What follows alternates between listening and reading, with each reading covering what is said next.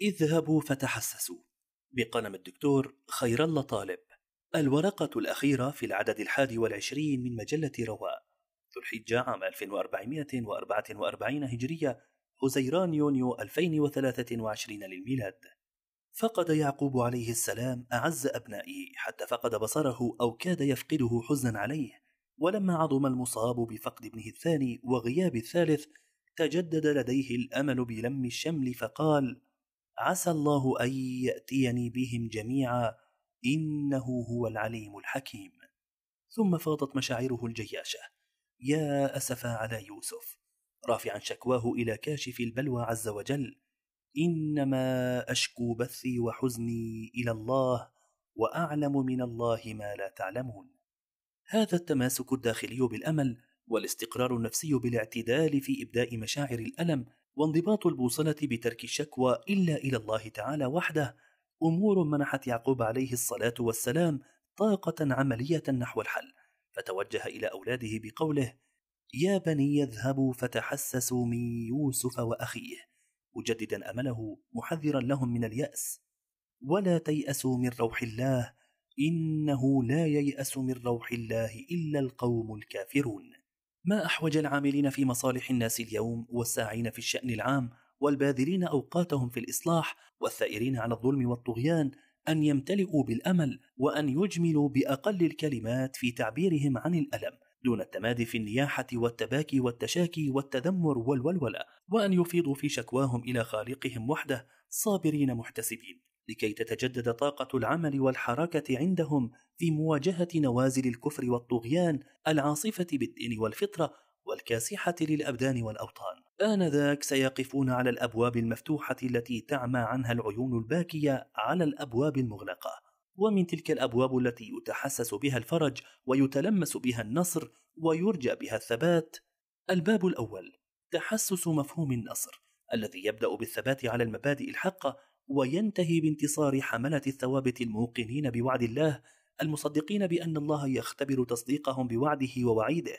ويمتحن صبرهم على مرارة القدر وصعوبة الطاعة لأجل تهيئتهم ورفع درجتهم فيثابرون على العمل خطوة خطوة في طريق رحلة شاقة تتطلب استعدادا ثقيلا. ليست الهزيمة خسارة المعركة إنما الهزيمة العودة عن الطريق والندب على الصواب والتحسر على بذل المعروف. والتألم من فوات الحظ الدنيوي وكأنه لا جنة ولا فردوس ولا آخرة.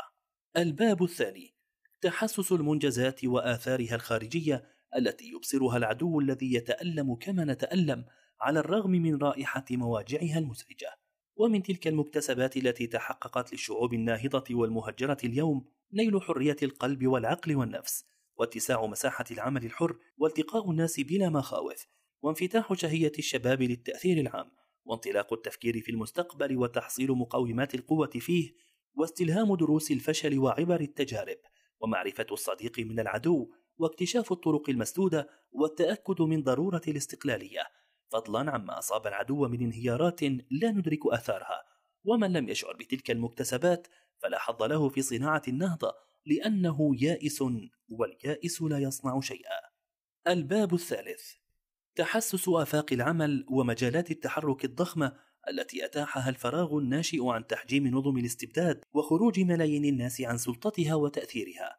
هذه الفرص اليوم يستثمرها الأعداء لكن أصحاب القضية أقدروا على استثمارها فهم وإن كانوا أقل في الخبرات والإمكانات إلا أنهم أهل الدار الأصدق في الذود عنها والأدرى بحاجاتها والأخبر بمداخلها ومخارجها وأسرارها والأسرع حركة في دروبها والأكثر مناورة في ثناياها ترى ما الذي يعيق عن تحسس الأبواب واستثمار الفرص؟ ما هو إلا الجهل بحقائق الأمور والسنن الربانية والغفلة عن القوة الذاتية وغلبة هموم المستقبل المكفول والخوف من الأوهام والتعلق بالغالب وفقر النفس والتعالم بدل التعلم والكسل عن التقويم والتصحيح والاشتغال بواجبات الآخرين عن واجبات النفس وانتظار المخلص انتظار العاجز وانخفاض الهمة ومحدودية التطلعات وكلها قضايا نفسية ثقافية ولا خلاص منها إلا بقوة الأمل وانطلاقة خطوة العمل.